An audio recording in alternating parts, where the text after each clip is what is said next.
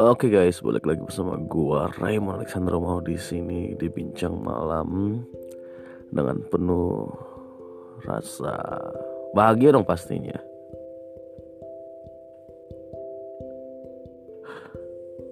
Iya sih, terkadang kayak kalian pernah gak kayak bingung untuk bahagia itu gimana sih atau mungkin bingung arti bahagia sebenarnya.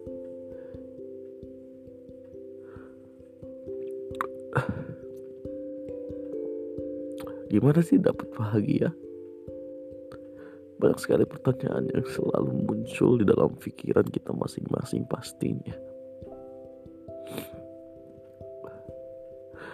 Tapi di sini saya